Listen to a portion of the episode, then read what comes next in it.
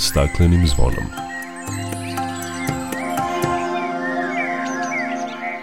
Dobar dan, dobrodošli na Zeleni talas prvog programa radija Radio Televizije Vojvodine.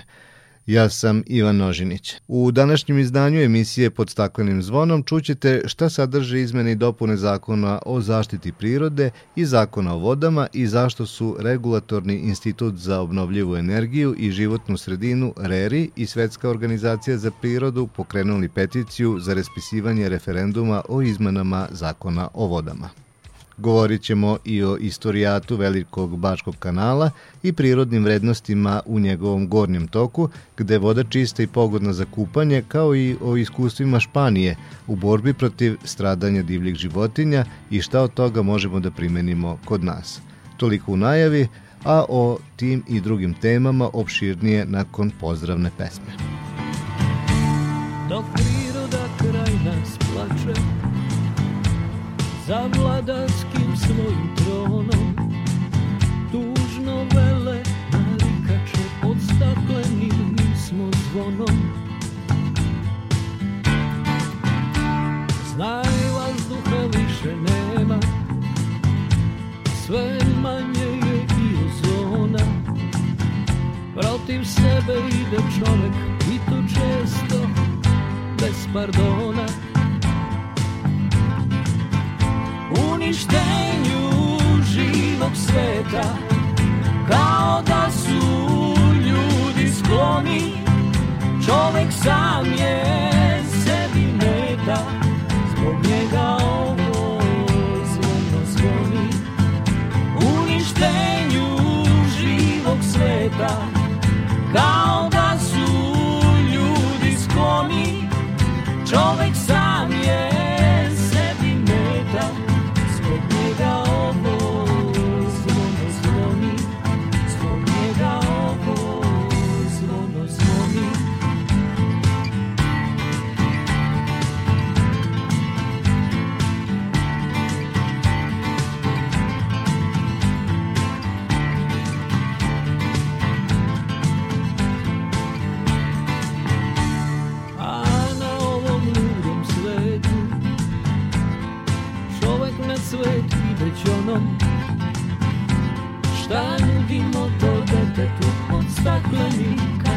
kad smo zvonom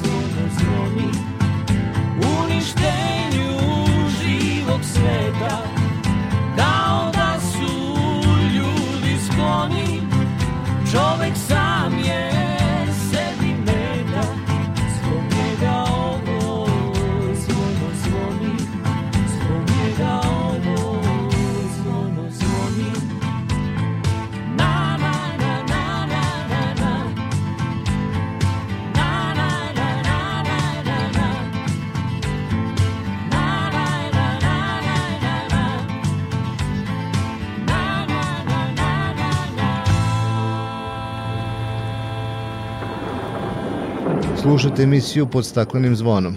Poslanici Skupštine Srbije usvojili su zakone o izmenama i dopunama Zakona o zaštiti prirode i Zakona o vodama. Obrazlažući izmene i dopune Zakona o zaštiti prirode, ministarka za zaštitu životne sredine Irena Vujović izjavila je da će se na ovaj način unaprediti pravni okvir kako bi se sačuvala prirodna dobra za buduće generacije.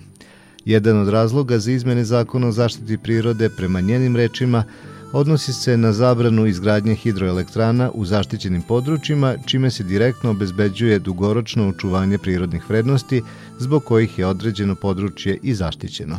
Ona je istakla da ovaj doprinos omogućava efikasniju reakciju države kako bi se zaštitila priroda kroz uvođenje načela predostrožnosti, ali i kroz akt o uslovima zaštite prirode. Novim zakonskim rešenjem omogućava se povećanje površine pod zaštitom. Zakonom je predviđeno i formiranje saveta korisnika zaštićenog područja, u čijem radu će učestvovati lokalno stanovništvo i ostali korisnici zaštićenog područja, uključujući i organizacije civilnog društva. Ministarka je navela da su novim izmenama zakonom preciznije definisane odredbe koje se odnose na postupak ocene prihvatljivosti za ekološku mrežu i uspostavljanje Evropske ekološke mreže Natura 2000 u Srbiji, što je, kako je rekla, jedan od najvažnijih procesa u zaštiti prirode, a definiše se u skladu sa zahtevima Evropske direktive o očuvanju prirodnih staništa i divljih životinskih i biljnih vrsta, kao i direktive o očuvanju divljih ptica. Poslanici Skupštine Srbije usvojili su izmeni dopune zakona o vodama, kojim se vode tretiraju kao jedan od najvažnijih elemenata životne sredine, odnosno vodno zemljište uređuje se kao dobro od opšteg interesa.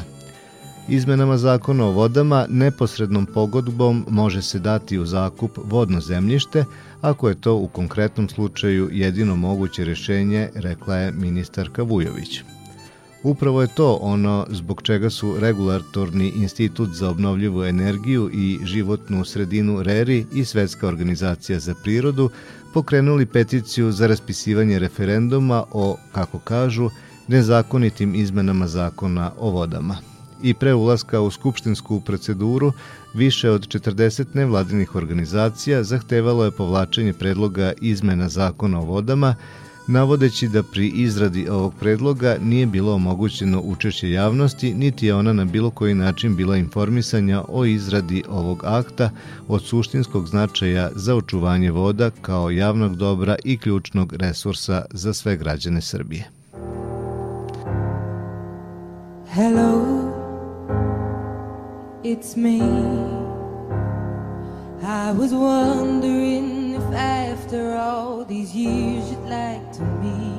to go over everything.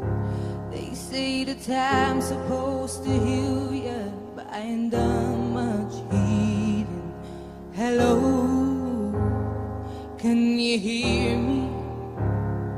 I'm in California dreaming about who we used to be when we were younger and free. I've forgotten how it felt before the world fell at our feet. There's such a difference between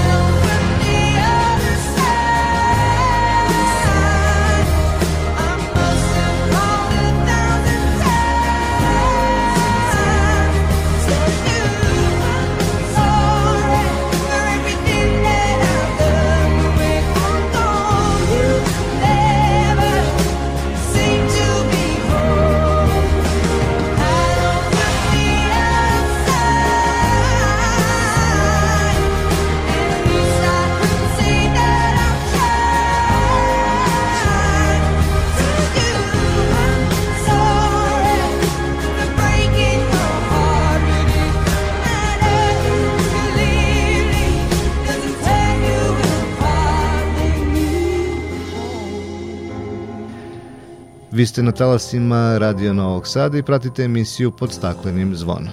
U organizaciji inicijative Pravo na vodu u saradnji sa kampanjom Umetnici za reke Balkana na glavnom trgu u Kraljevu besplatan koncert su održali Darko Rundek i ekipa.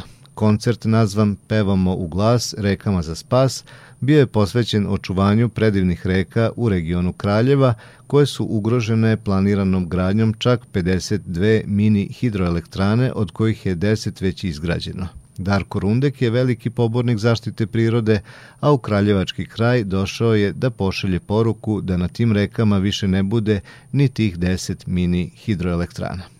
Zbog toga što su rijeke krv, krvotok prirode koje, koje smo mi dio. Tako da ako, ako uništavamo rijeke kao što se radi s ovim centralama, uništavamo sav, sav život koji oko njih postoji. A mi smo dio tog života i što ga više gubimo, tu gubimo i u sebi i u, i u, u krajnjoj liniji u tome kako ćemo mi dalje preživjeti kao ljudska vrsta. Došli smo da, da, da podržimo inicijativu Sačuvajmo planinske reke Kraljeva, jer kako su lijepe te rijeke, koliko ih samo ima, kako je to lijep kraj kraljevski. Čini mi se da je i za, i za neko ljudsko dostojanstvo i za kvalitetu života e, bitno da budemo povezani sa cijelinom koje pripadamo, to je, to je to ono što zovemo priroda koju smo zapravo dio i da jer, jer to je zapravo e, nije pitanje nekog e, neke izvanjske odgovornosti, to je pitanje odgovornosti prema samom sebi. I, i tako da kad nam je neka prilika da, da možemo podržati e, tu, tu neku svijest, čini mi se da je to vrijedno i da ćemo tako nastaviti. Ne samo da treba sačuvati divljinu, treba, treba pomoći da se još i proširi, treba, treba, treba kao rivaldirati ove, A Srbija je zapravo dosta gusto naseljena, tako da, da bar se meni tako čini, tako da su, su, su ti, ti e, zaštićena područja su, su užasno važna. Vidjeli smo taj, taj, to neko betonsko zdanje i branu e, do, do koje dolazi e, rijeka u nekom svom punom potencijalu u ovom trenutku, dole se malo cijedi jedan, jedan dio koji dalje teče kroz svoje korito, veći dio odlazi u te cijevi koje su pokrivene nekom zemljom, isto je već, neki, već samo to mjesto je neka ra, rana na, na, na krajoliku ovoga. Mogu se misliti kako to izgleda još gore, tamo gdje niko niti ne, ne gleda, to vjerojatno ovi koji nije briga, to sigurno bezočno krče i, i, i guraju cijevi. Tako da, ono, tužno je, opet kraj, kraj je tako lijep da, ono, da, da je bilo super tamo otići.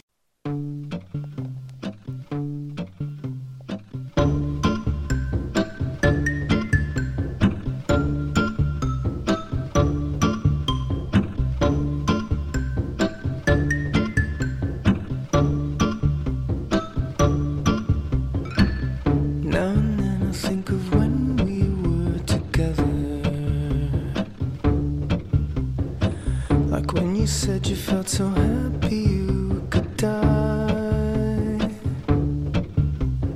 I told myself that you were right for me, but felt so lonely.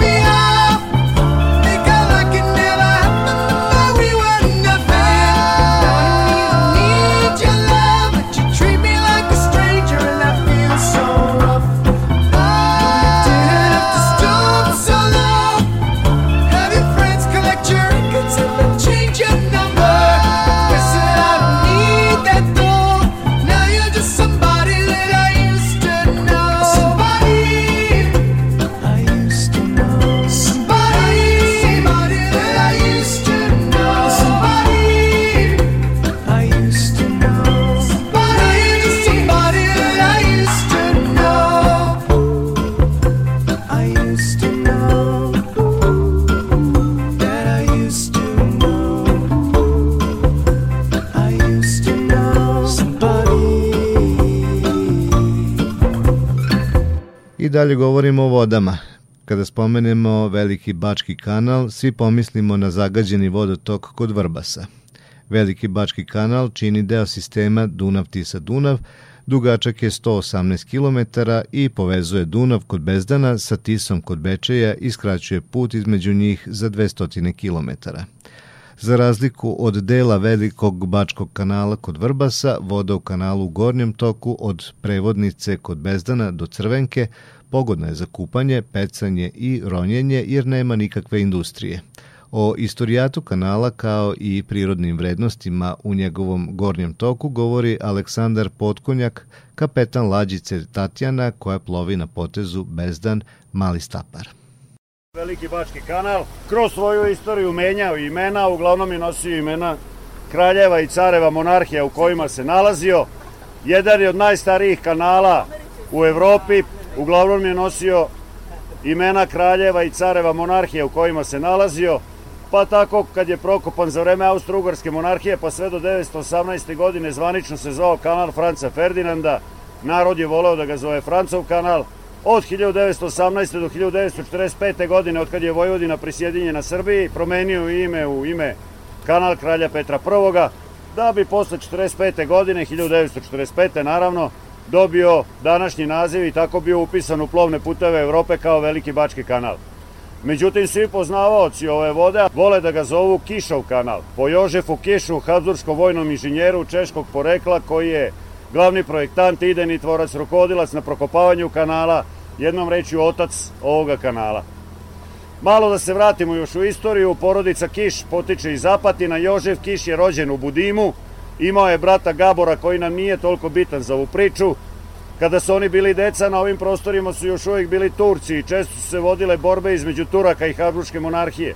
Otac mu je takođe bio oficir Habsburgske monarhije, u jednom od tih ratova je poginuo i kao deca poginulog oficira, braća Kiš, Jožef i Gabor imali su pravo na besplatno školovanje na carskim vojnim akademijama, da bi završili Bečku vojnu akademiju, čije je svoje vremeno osnivač i pokrovitelj bio Eugen Savojski. Međutim, iako su bili Oficiri nisu bili ratnici, bili su inženjeri, tačnije po struci geodezi. 1762. godine Jožef Kiš boravi na studijskom putovanju u Engleskoj u Manchesteru i prisustuje puštanju upotrebu čuvenog mančesterskog Bridgewater kanala za koji možemo slobodno da kažemo da je poslužio kao mustra za ovaj kanal. A 1780. godine, znači govorimo o vremenu kad su Turci proterani odavde i ovaj deo postao deo monarhije, Kiš dolazi po zadatku, da tako kažemo, u prekomandu na teritoriju sela Sivac, da vrši ispitivanje terena i pripremu terena za izgradnju naselja za naseljavanje podunavskih švaba. 1785. godine počinje prokopavanje kanala iz pravca sela Sivac, prvi krak prema Dunavu, tačnije od Sivca prema Somboru, i drugi krak sledeće godine prema Tisi. Pošto je ovo područje pre prokopavanja kanala bilo izuzetno močvarno, kanal je imao značajnu ulogu prilikom isušivanja zemljišta, i oduševljeni rezultatima koje je dao prve godine, kreće veliki poduhvat, znači prokopavanje, spajanje dve velike reke. Prokopavanje traje 17 godina od 1785. do 1. maja 802. kad je pušten u upotrebu, spojivši se sa Dunavom u Bačkom monoštoru, jer nekad je Dunav prolazio kroz Bački monoštor. Takođe, po zvaničnim podacima, prilikom prokopavanja ovog kanala iz njega je izbačeno zemlje i mulja više nego prilikom prokopavanja čuvenog Suetskog kanala mnogo godina kasnije. Kanal spaja dve velike reke, Dunav i Tisu, kod sela Bezdan spaja se sa Dunavom, kod grada Bečeja sa Tisom. Ukupna dužina kanala je 112 km, prosečna, podvlačim, prosečna dubina 3 metra, širina obala u proseku 35 metara, širina korita pri dnu 17 metara. Potez ovde kod Bačkog monoštora zove se Opaljenik i ovde je dubina od 4 do 5 metara. Često gosti pitaju zašto je kanal uopšte i prokopavan. Kad je ovaj deo postao deo monarhije, inženjeri toga doba izračunali su da bi prokopavanjem ovoga kanala skratili taj put za 200 km ili što su oni volili da kažu 6 do 8 nedelja plovidbe. Dugo godina u žargonu, a i dan danas u Austriji ga poznavaoci vole zvati Bečki put soli, zato što je so kao atraktivna roba onoga vremena za potrebe monarhije vučena ovuda. Ono što je zanimljivo, od 1802. godine kad je kanal pušten u upotrebu, pa sve do narednih 47 godina nisu postojali brodski i vanbrodski motori koji su gurali lađe, nisu postojali parobrodi, Veslanje tih širokih brodova nije bilo moguće vidjeti zbog širine kanala, ta vesla bi trebala biti kraća od standardnih. Takođe ni jedrenje u gornjem podunavlju u čijem sastavu se kanal nalazi je nemoguće u dužem pravcu zato što kod nas u ruže vetrova vetar često menja pravac, pa bi nas sam okretao posle 100 metara ili kilometar, nego su 47 godina te teške brodove kanalom vukli konji.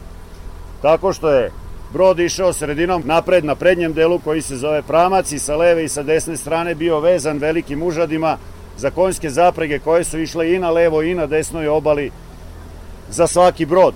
Obale nisu bile pošumljene kao danas, bile su nešto višlje i gole i ta staza po kojima su konji išli, zvale su se te staze kopitarnice. A čovjek je koračao pored i vodio te konje, a lađari na lađama velikim štapovima, šticnama odgurivali i pomagali ploviti. Govore podaci da je zavisnosti od težine veličine broda od 4 do 12 konja sa svake strane vuklo brod. Inače, verovali ili ne, plovite po jedinstvenom kanalu u Evropi i po jednoj svojoj osobenosti, a to je što iako je veštačka tvorevina, čovek ga je prokopavao, zatvoren je ekosistem, što znači ima sve karakteristike reke i po tome je jedan jedini u Evropi. Voda u ovom delu kanala u Gornjem Podunovnju na potezu Bezdan Mali Stapar je prve kategorije po eurostandardima, to vam dođe kao ocena četvorka u školi, znači izuzetno zdrava voda, to potvrđuje nekoliko biljnih životinskih vrsta koje ovde žive, cvet belog lokvanja. Naravno, ovde ima i žutog i roza lokvanja, ali beli lokvanj je tipičan, pošto je to najređa vodena biljka u Evropi, zato što bira samo zdravu vodu za svoje stanište, koliko je redka, toliko je i zaštićena. Recimo u pojedinim zemljama zapadne Evrope, ako čuvari na njihovim vodama uhvate nekog da bere taj lepi beli cvet, kazne idu do 3000 eura, u Srbiji je procenjena na 15.000 dinara. Pored belog lokvanja koji je dokazuje tezu o kvalitetu vode, ima jedna životinja, to je rečni rak kojeg ima u izubilju. Rečni rak takođe bira izuzetno samo zdravu vodu za svoje stanište. A pecaroši bi verovatno trebali znati gde ima rakova, najčešća vrsta ribe je rečni som, zato što rak somu dođe ultra poslestica kao princes krofna nama ili baklava recimo ili već šta god. Sve vrste dunavske ribe osim kečige žive ovde, od crnih 90-ih na ovamo malo se bolje poribljava, gazduje, malko se manje krade, pa se popravlja riblji fond. Pored, znači, rakova, riba, ima žaba, nekoliko vrsta kornjača, osam vrsta vodenih zmija, rečne vidre su izuzetno brojne, ali jednim stanovnikom se ponosimo, koji je izuzetno redak za slatke vode, a to je rečna meduza koja je stanovnik ovoga kanala, Međutim, za razliku od morske, apsolutno je bezopasna. I nju viđamo u divljem delu kad idemo vamo prema Somboru ili Bezdanu u vrelim letnjim danima kako pluta ispod površine vode. Sve što živi u kanalu i, i te meduze, vidre i tih osam vrsta zmija, ništa nije otrovno, ništa nije opasno po čoveka, ništa ne napada čoveka od tih životinja, osim jedne životinje, to je komarac. I ništa više. Naravno, bogat je kanal svi vrstava barskih ptica, od carske čaplje, male sive čaplje, gnjuraca, kormorana, labudova, pataka i tako dalje, a dve vrste su bitne za gornje podunavlje, tipične zato što nigde u Evropi nemaju, ne uspevaju, da tako kažemo, na slobodi da se razmnožavaju, a žive ovde na kanalu i u gornje podunavlja, to su crna roda i orao belorepan koje su tipične za ovo podneblje ovde.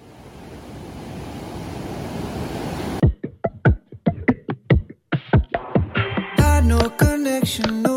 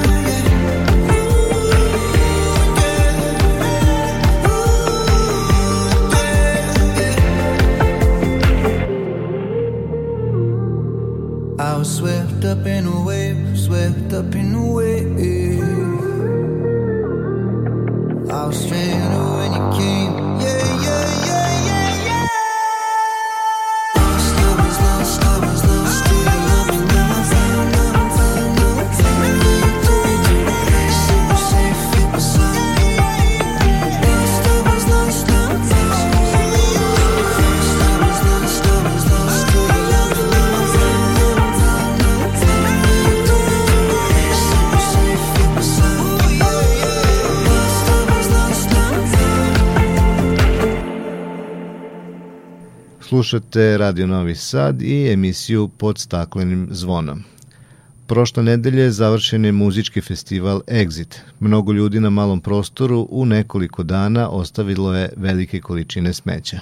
Prikupljeno je 33 tone smeća koja je trenutno na separaciji na gradskoj deponiji. Više o tome Nemanja Popadić. Za četiri festivalska dana koliko je trajao Exit, radnici gradske čistoće uspeli su da na prostoru Petrovaradinske tvrđave prikupe više od 33 tone smeća. Reč je o reciklažnom otpadu koji je prevezen na gradsku deponiju na dalju obradu i separaciju. Građani ističu da nisu imali problema sa odnošenjem smeća za vreme trajanja festivala i da su zadovoljni sa radom čistoće. Pa dosta sam zadovoljan, ne mogu oni ljudi ni stići pre. Mogu da ti kažem da nije loše, zadovoljavajuće, ali može i bolje. Generalno sam jako zadovoljan sa radom čistoće. Ovo ovde, ovi kontejneri su obično, sada eto ima malo smeća, ali nekad i dva do tri puta dnevno dolaze da odnesu smeće. U procesu sakupljanja otpada na Petrovaradinskoj tvrđavi učestvovalo je oko 60 radnika podeljenih u četiri grupe, a iako se festival završio, nadležni ističu da posao čišćenja i sakupljanja otpada nije završen, ali su se vratili normalnom režimu rada. Na prostoru Petrovaradinske tvrđave uglavnom su radili radnici službe javne higijene. Dakle, nije služba za sakupljanje i transport otpada učestvovala u ovom procesu prikupljanja otpada, izuzev kamiona autosmećara koji su se gore nalazili, a sada, po završetku Exit festivala, vratili smo se u redovan režim rada. Nadležni dodaju da dežurne službe i dalje rade na prikupljanju otpada koji je nastao od demontaže šankova i bina, a nakon toga planirano je generalno očišćenje cele Petrovaradinske tvrđave.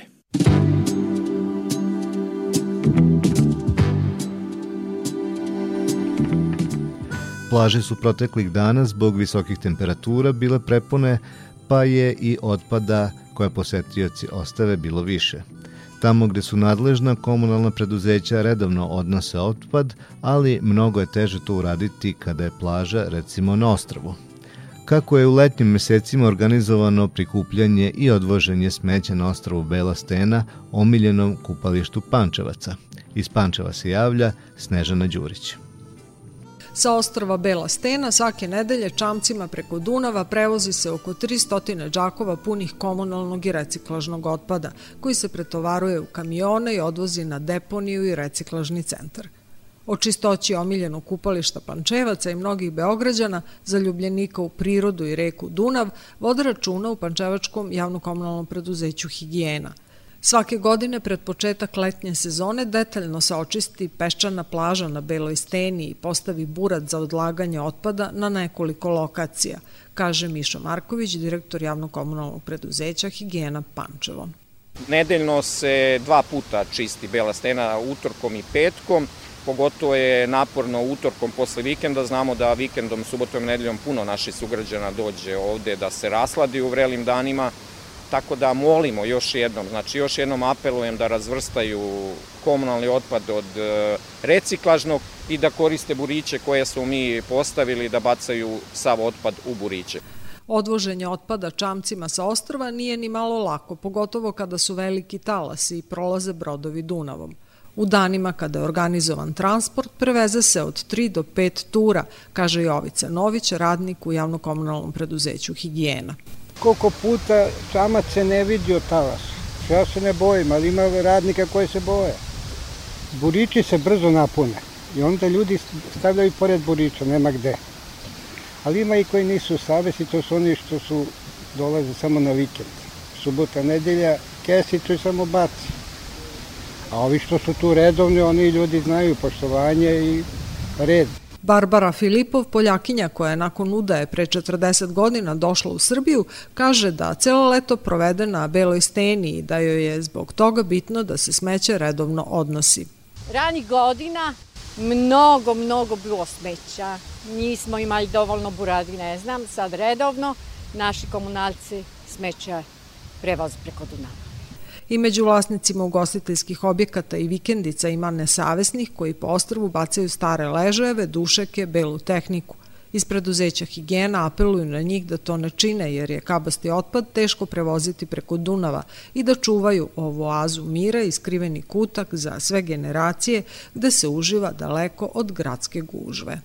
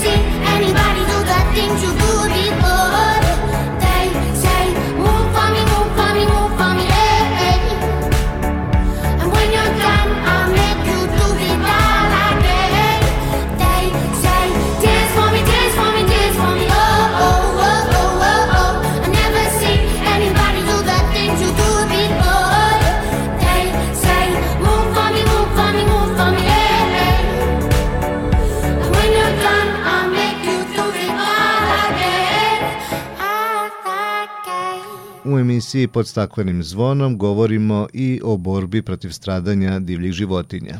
Španija se tu izdvaja kao lider. U Andaluziji koriste helikoptere za otkrivanje sumnjivih uginuća ptica. Ovakve akcije se za mnoge zemlje čine nestvarnim, ali u Španiji to predstavlja samo jedan od alata u rešavanju problema stradanja divljih životinja. Za razliku od Španije, u zemljama Balkana situacija je nešto drugačija. Mi dalje mučimo muku kako da sprečimo ilegalno ubijanje i trovanje divljih životinja – sa željom da svoje znanje i iskustva u borbi protiv stradanja divljih životinja prenesu i balkanskim zemljama, u Andaluziji je organizovana obuka svojevrsna akademija za učesnike iz tih zemalja. Priliku da prisustvoje obuci u Španiji imao je Nikola Stojnić iz Pokrenjskog zavoda za zaštitu prirode. Da čujemo kakva su iskustva zemalja koje imaju dobre rezultate u borbi protiv stradanja divljih životinja, a kakva su naša. Sa Nikolom Stojnićem razgovarala je Dragana Ratković. Problem Srbije i ostalih e, zemalja Balkana je sve učestalije ubijanje divljih životinja. U poslednjih nekoliko godina kroz razne kampanje to se na neki način smanjuje, ali još uvek je prisutno. Međutim, neke druge evropske zemlje poput Španije su veoma uspešne u tome. Kakva je situacija kod nas, a kako recimo u nekim zemljama koje imaju odlične rezultate u borbi protiv e, ubijanja divljih životinja, kao što je recimo Španija? Pre svega treba reći da je kriminal prema divljim životinjama, odnosno različite metode kojima se one ubijaju, nešto što je nažalost prisutno skoro svugde u Evropi i ono što kažu vrhunski stručnjaci iz oblasti proučavanja jedne takve vrste kriminala možeš da tvrdiš da ga nema jedino ukoliko ga nisi tražio. Onda ti se može učiniti da takvog kriminala nema, ali ukoliko se sprovedu neka detaljna terenska istraživanja, onda se vidi koliko je to učestalo. Problem sa takvim kriminalom je što se on uglavnom dešava u prirodi, a u prirodi nema previše ljudi ni običnih očevidaca, ni istražitelja, tako da dosta toga ostane neotkriveno. I da budemo realni, ozbiljni problemi sa utrovanjem i drugim vidovima ubijanja divljih životinja i dan danas postoje i u Austriji, i u Velikoj Britaniji, pa i u Španiji. Ali dakle, sa drugim... nije imun. Da, skoro niko nije imun, a dosta zavisi i od različitih uh, specifičnih okolnosti unutar same zemlje, od načina organizacije lovišta, od prisustnosti uh, stočarstva ili ne i tako dalje, ali mnoge zemlje zaista i dan danas to imaju, ali sa druge strane i tom problemu vrlo ozbiljno pristupaju. To je problem koji je za nas prirodnjake i zaštitare prirode pre svega specifičan po tome što u njegovom rešavanju nikako ne možemo učestvovati sami. U većini drugih problema u zaštiti prirode, u odnosu sa nekim poljoprivredom, u odnosu sa dogovorima sa šumarstvom ili sad da ne nabrajem kakve sve mi situacije imamo u zaštiti prirode, uvek je to relativno rešivo korišćenjem samo metoda koje mi znamo i naše nauke i biologije ekologije, dovoljna nam je. Biologija i ekologija, Međutim, u ovom slučaju nisu dovoljna samo naša znanja, nisu dovoljne samo naše kompetencije, jer je, kao što smo rekli, u pitanju kriminal a mi se u kriminal kao pojavu ne razumemo, niti imamo ovlašćenje da je istražujemo, ali svakako možemo u tome pomoći. I to je ono zašto je bilo bitno otići u Španiju, i zašto je bilo bitno videti njihovo iskustvo i pokušati deo toga iskustva primeniti kod nas. Jer da bismo se uspešno borili protiv kriminala iz oblasti pre svega divljih životinja, jer su divlje životinje, a pogotovo ptice i sisari glavne mete ove vrste kriminala, potrebne su najmanje tri struke koje će dosta ozbiljno tome pristupiti. Jedno je ova biološko-ekološka koju mi kao zavod pripadamo, druga je veterinarska, jer utvrđivanja uzroka smrti nema bez zvaničnog veterinarskog izveštaja i konačno potrebna je ta istražiteljska, da li su to inspektori ili policajci najčešće, to je taj treći aspekt. Tako da je u stvari to je bilo i najvažnije vidjeti kako su ta tri sektora koja nigde na svetu ne funkcionišu savršeno, ali ipak više decenijskim radom u Španiji objedinjena. Kod nas jeste najveći problem kad je reč o trovanju divljih životinja ili krivolovu da se taj lanac nikako ne može e, povezati. Kakve su iskustva u Španiji? Vi ste prisustvovali jednoj obuci koja je organizovana za zemlje Balkana kako bi mi se prenela iskustva i dobre praksa kako to čine u Španiji. Oni su čak to nazvali akademija i meni se sviđa taj naziv akademija. Možete ga tumačiti sa aspekta policijske vojne akademije, mada se meni više svidela paralela sa Platonovom akademijom, ali u svakom slučaju e, to će biti čak serija višednevnih obuka, a ovo je bila samo prva od njih i Španci su nam zaista vrlo detaljno pokazali kako se oni time bave i bilo je dosta nas iz zemalja, ne samo zapadnog Balkana, nego u stvari čitavog Balkana, što me pogotovo iznenadilo. Tu su bile i zemlje Evropske unije, poput Hrvatske, Bugarske i Grčke, ali i neke druge zemlje kao što smo jeli mi ili Severna Makedonija ili Bosna i Hercegovina.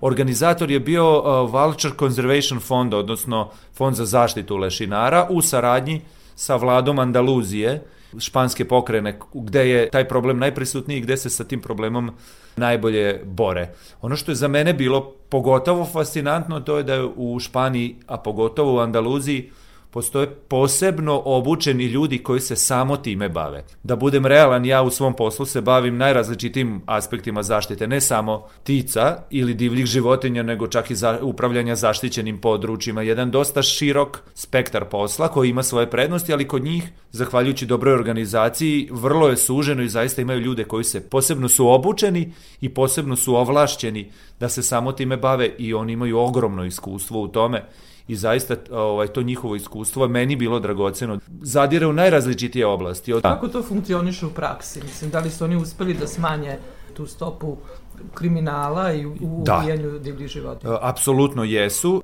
Jedan od bitnih aspekata tog njihovog rada je između ostalog i dobra statistika i zaista jasnim podacima. Ono što je bitno kada se priča o kriminalu protiv prirode, to sam već i rekao na početku, nema ga samo ako ga ne tražiš. I onda kad počneš da ga tražiš te prve godine, onda odjedan put broj slučajeva sa kojim se, si se suočavao koji je pre toga bio recimo 50 ili 60, onda odjedan put postane 120, 130. To nije porast broja slučajeva, nego je to porast pronađenih slučajeva i tek onda intenzivnim radom posle nekih 7 do 8 godina ta brojka počinje da pada, a sa druge strane statistika jasno pokazuje broj vrlo redkih vrsta koje su njime ugrožene počinje da raste. Ovde govorimo o krupnim orlovima kao što je španski orao krstaš pandan, našem orlu krstašu ili čak pričamo o lešinarima kao što su kod njih i bradan i crni lešinar i beloglavi sup, kod nas je za sad glavni beloglavi sup u tim slučajevima i to su zaista odlične metode, ali slučajevi trovanja nisu česti kod nas, ali kada se dese mogu da izazovu užasne stvari, mogu u jednom danu da ubiju 10, 20, 50 redkih životinja, pogotovo supova koje su takve životinje, tako da su španci zaista uspeli jasnim ciframa dokazali da to svedu na neki održivi minimum, kombinacijom naravno dve metode. Jedna je ta edukacija, razgovor, prepoznavanje problema i ublažavanje, sa druge strane gde ima posla sa kriminalcima, zaista ozbiljnim pristupom koji podrazumeva i istragu i prikupljanje dokaza i vrlo ozbiljne sudske procese, detaljne analize, analize na samom terenu, logistiku, čak i neke vrlo sofisticirane metode kojima se kod nas pretpostavljam bave samo organi gonjenja kao što su pravljenje fajlova i profila kriminalaca i čak psihološka analiza, analize govora tela i ostalo. Tako da je zaista pristup je više slojan i više značan, ali zaista je divno videti šta sve oni rade i svi mi koji smo se vratili već sad imamo jasne ideje kako neke od tih stvari koristiti kod nas u našim realnim okolnostima naravno i kako i mi kod nas to raditi bolje nego što smo do sad radili naravno. Kod nas obično kažu da kada se otkriju ove počinioci nikada ne dobiju zaslužene kazne, odnosno nikada nema dovoljno e, dokaza. Šta bi mogli od toga što ste čuli primeniti kod nas? Iskreno da vam kažem od nekih najgorih slučaja sa kojima sam se ja suočio od 2014. 15. pa do danas, ja mogu da primetim značajan pomak u našoj saradnji sa svim drugim subjektima, i policijom i tužilaštvom, sudstvo je nezavisno i mogu da dam svejedno svoju ocenu da se meni sviđaju presude koje sudstvo donosi u poslednje vreme i sve su oštrije prema prekršiocima oblasti zaštite ali prirode. Ali Moguće da jesu, ali zaista moja analiza ili neko gledište češće su nego što su bile, sve su oštrije, iznosi su sve veći, ne može to preko noći da se promeni i ja vidim jedan relativno spor, ali uzlazni trend. I tako da sam ja zadovoljan ja ne bih radio ovaj posao da nemam posebnu ljubav prema prirodi, ja ne bih mogao da budem objektivan u propisivanju takvih kazni zato što sam ja ostrašćen na neki način i zato je dobro da su to sudije ipak neko ko je objektivan. Ja koji sam ovaj, gledao tu životinju živu ili je čak puštao na slobodu, pa je onda vidim otrovanu ili u grču, ja stvarno nemam mogućnost da budem objektivan i da i, i meni nikad to nije dovoljno. Ali eto, na neki način, ovaj, ta stvar isto ide uzlaznom linijom, ali je zaista potrebna mnogo, mnogo bolja saradnja, mnogo bolja saradnja, mnogo bolja komunikacija, ne samo na nivou nas operativaca, koji smo već na neki način to uradili, nego i na tom organizacijom nivou između ministarstava, između tih da kažem, viših nivoa komunikacije, to je dosta dobro i ono što trenutno nama fali, a što ne, nemam jasnu ideju kako bismo mogli brzo e, nabaviti, to su jedinice sa obučenim psima. Mi imamo jako dobru saradnju sa Mađarskom i oni dolaze, o tome smo već i pričali. Međutim, sad već smo došli dotle da bi nam e, jedna takva jedinica dobro došla. Imaju je u Grčkoj, u nekoj našoj naj, najbližoj blizini je Grčka. U Mađarskoj, naravno, to smo već rekli, ali bilo bi dobro da se upostavi kod nas, jer ono što pas može da pronađe, to ni, ni 10 ni 100 ljudi ne može da pronađe. To je jako bitno. S jedne strane jako bitno pas može da nađe otrovanu životinju i tu možemo da utvrdimo problem, ali trenutno meni još važnije pas može da pronađe sve mamce na terenu, a nama je nekad mnogo važnije da uklonimo mamce nego da pronađemo leševe, kad ukloniš mamce značajno smanjuješ opasnosti.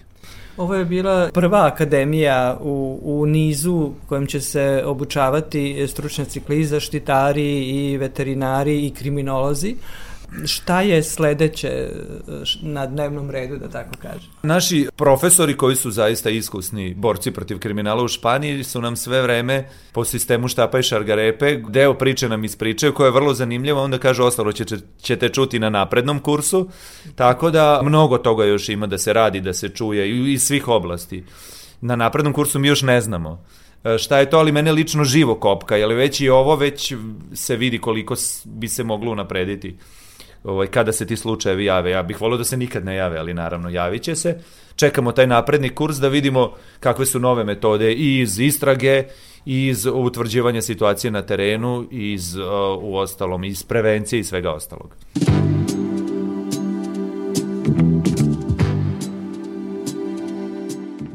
Toliko u ovom izdanju emisije pod staklenim zvonom koju možete slušati i odloženo na podcastu Radio Televizije Vojvodina na adresi rtv.rs.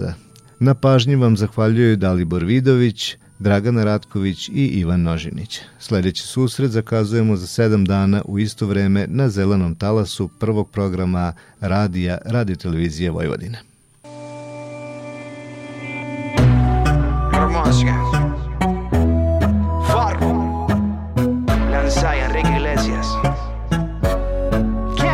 Pido mil disculpas, es que mereces una explicación. No vale la pena terminar con nuestra relación. Por una noche de rumba nos sorprendió la locura.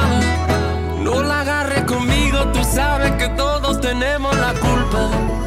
La culpa fue del ron, de la cerveza y el don Periñón. Y echó a volar nuestra imaginación. Y de repente se nos olvidó es que me pasé, me pasé de copas, me fui a dormir contigo y me desperté con otra. Hace más de un mes, juré que era la última vez. Perdóname, no lo vuelvo a hacer. Pero mala mía, baby, creo que me ganó el alcohol. Después de par de tragos me noté y perdí el control. Y me dejé llevar por la música y la emoción. Y se me salió de la Pero yo quería contigo y terminé con ella. La rumba seguí y llegaba más botella. ¿Qué culpa tengo yo que ella